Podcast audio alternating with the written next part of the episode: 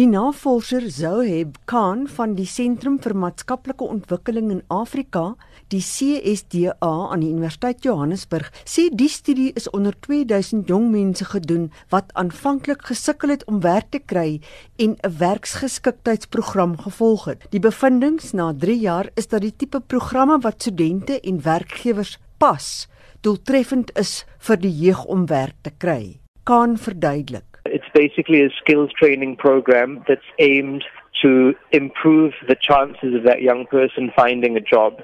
So we track them as they entered these programs, as they left them, and then for up to two years after that.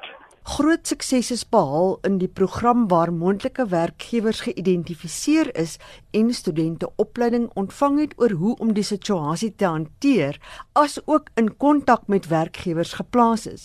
By job matching we mean that the people who design the skills training design this training in collaboration with employers. So they meet with employers and say, right, what do you need? And then training is designed for that purpose. And matching also involves bringing employers together with trainees, either during training or afterwards, linking them to know each other, have opportunities for interviews. Dit sluit ook opleiding in persoonlike finansies in. We looked at these youth employability programs. So there were eight of them running at about 50 different sites across the country. And at half of those sites, we introduced a financial capability module. So what this involved was a financial literacy program where the trainees are taught about money management and about savings. And this was combined with a savings product. And we find that the young people that received this intervention were significantly more likely to find work. Die proses om werk te soek kos geld. Looking for work is a very expensive process, so perhaps being able to better manage money and having access to savings might be making this work search process easier, in turn making it easier to find jobs.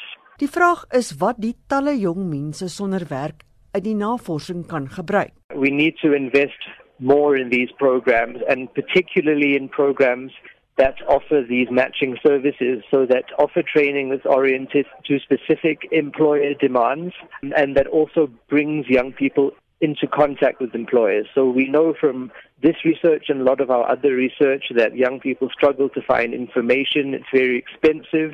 There isn't really access to labor centers where people can find information. Social networks are very limited.